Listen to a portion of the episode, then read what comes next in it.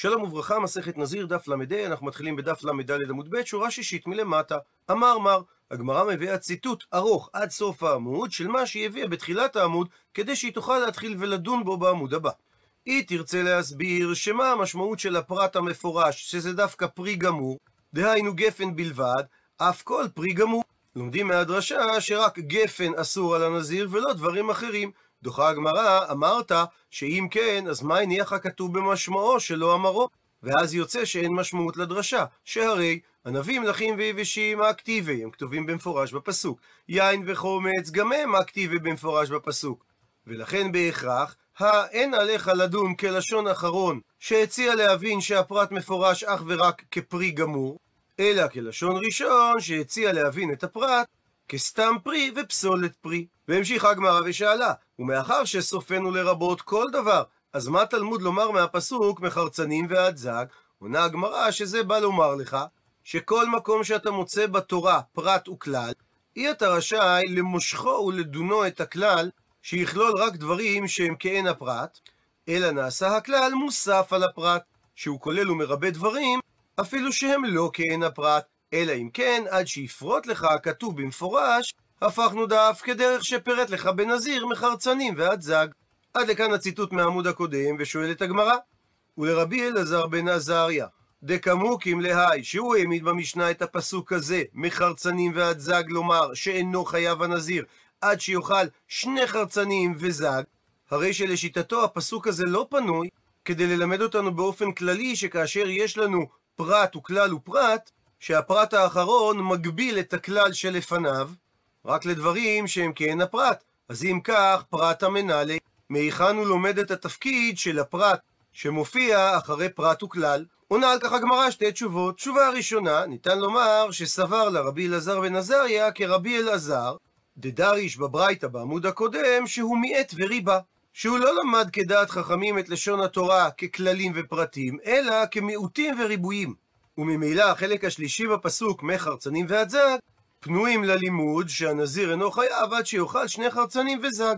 תשובה שנייה, והיא באית אימה, ואם תרצה תאמר, שרבי אלעזר בן עזריה אכן סובר כרבנן, וגם הוא דורש את התורה בכללים ופרטים, ואף על גב שהוא דורש את הפסוק בחרצנים והזג עד שיאכל שני חרצנים וזג, בעל כורחך, הוא דורש את המילים הללו בפסוק, שהן מלמדות גם על כך שהפרט שבא אחרי כלל ופרט מגביל את הכלל.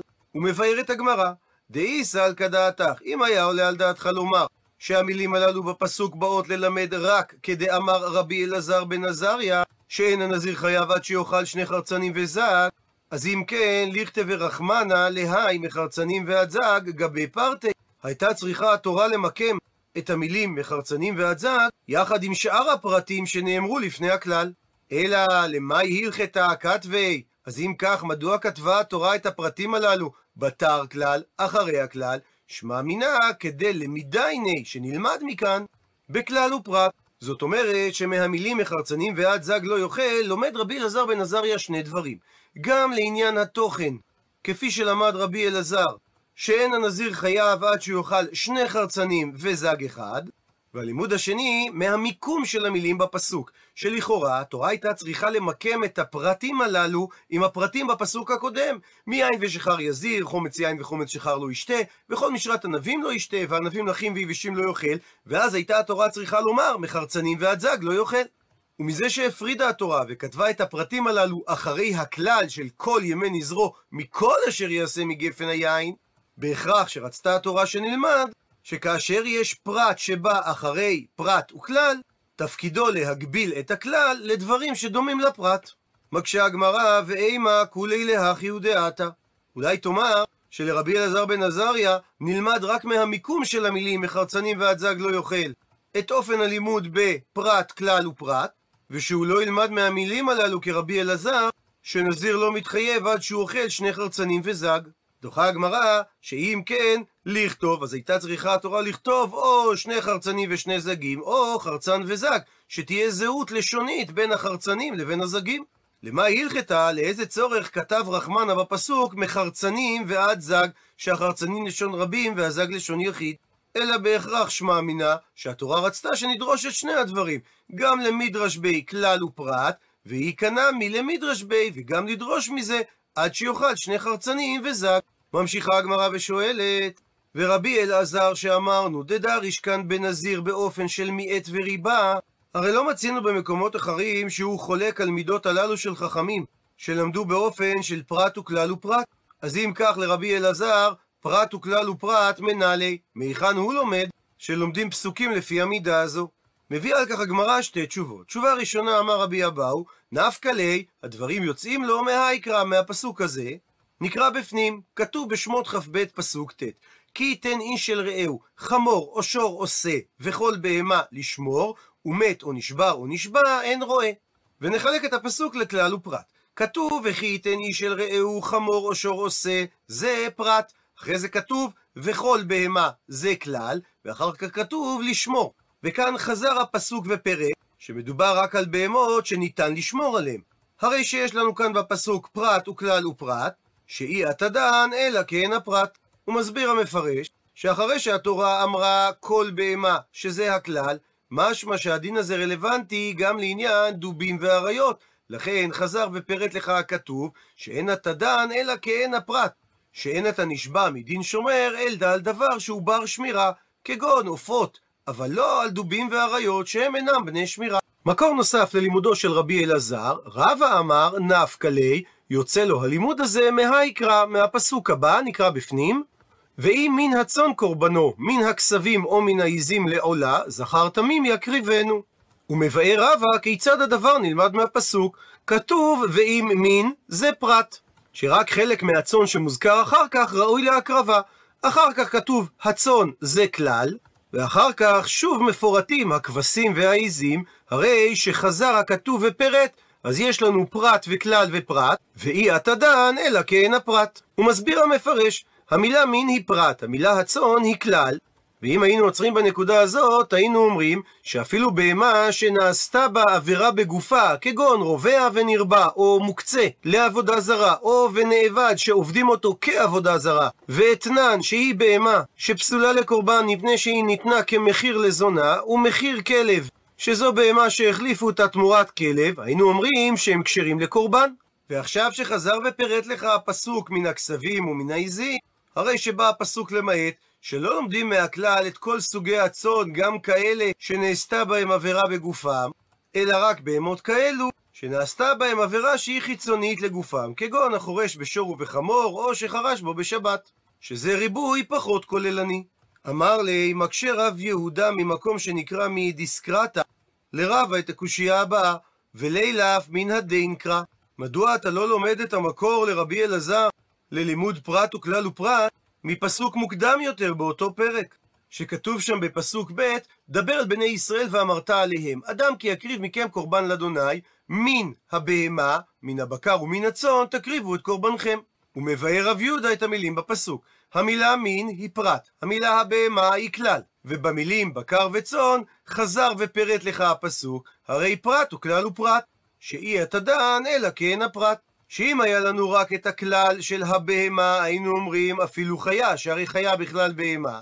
אבל אחרי שחזר הכתוב ופירט בקר וצאן, אין דנים אלא כאין הפרט, וממילא לא לומדים חיה, אלא מרבים, בחור וזקן. דקורבן עולם מביאים גם בהמה שהיא בחור, אף על פי שאין קורבן אשם מביאים בחור, וקורבן אשם מביאים גם קורבן זקן, אף על פי שאין עולם מביאים קורבן זקנה.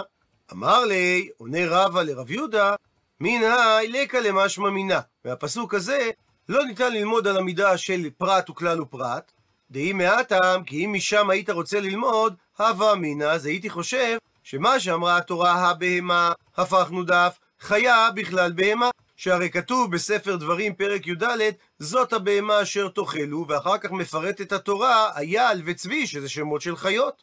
ואם כך, המילה מין שהיא הפרט, ממעטת חלק מהבהמות וחלק מהחיות. ולא כפי שאתה דרשת מהפסוק, שהמילה מין באה למעט רק חלק מן הבהמה, ואז כאשר חזר הפסוק ופירט מן הבקר ומן הצאן, יש לנו פרט וכלל ופרט. אמר לי, דוחה רב יהודה את הדברים, חיה בכלל בהמה? לא ניתן לומר זאת, שהרי הכתיב בקר וצאן. וכמו שהפירוט האחרון בפסוק ממעט חיה בצורה מפורשת, כך גם הפירוט הראשון בפסוק, גם הוא ממעט חיה, שהפרט האחרון מגלה על הפרט הראשון. והבה לי, ולכן ניתן ללמוד מהפסוק הזה, פרט וכלל ופרט. ואי התדען אלא כן הפרט. ושואלת עכשיו הגמרא על שיטת חכמים, שהם דרשו שכאשר יש כלל ופרט וכלל, אז הכלל מרבה רק כן הפרט. ומנהלן דאחי הוא. מה המקור שכך דורשים? עונה הגמרא דתניא, שכך שנינו בברייתא על הפסוק, נקרא בפנים, ונתת הכסף בכל אשר תווה נפשך, בבקר ובצאן וביין ובשיכר, ובכל אשר תשאלך נפשך, ואכלת שם לפני אדוני אלוהיך, ושמחת אתה וביתך.